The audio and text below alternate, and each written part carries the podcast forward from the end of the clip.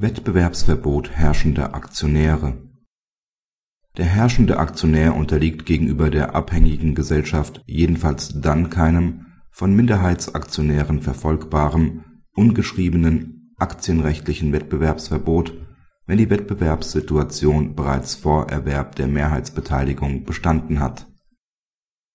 Im Rahmen einer Nichtzulassungsbeschwerde beschäftigt sich der BGH mit der Klage einer Minderheitsaktionärin, mit der diese Unterlassung bzw. Beseitigungsansprüche sowohl gegen die herrschende Mehrheitsaktionärin als auch gegen die AG selbst geltend macht.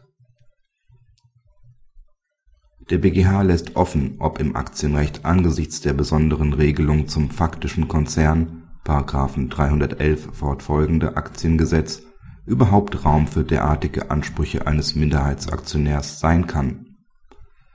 Vorliegend jedenfalls fehlt es bereits an der Nachteils bzw. Schadenszufügung des herrschenden Unternehmens gegenüber der Aktiengesellschaft, die Voraussetzung solcher Ansprüche wäre. Die Darlegungs und Beweislast für das Vorliegen der Tatbestandsvoraussetzungen des § 317 Absatz 1 Aktiengesetz trägt die abhängige Gesellschaft. Für das Verfolgungsrecht der Aktionäre der abhängigen Gesellschaft gemäß § 317 Absatz 4 und 309 Absatz 4 Aktiengesetz gibt es keine Abweichungen.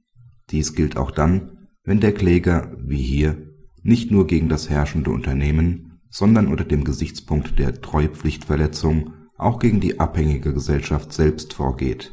Vor diesem Hintergrund genügt die klagende Minderheitsaktionärin ihrer Darlegungslast nicht, wenn sie lediglich nie ganz auszuschließende abstrakte Gefahren für die abhängige Aktiengesellschaft durch die geplanten bzw. durchgeführten Maßnahmen darstellt.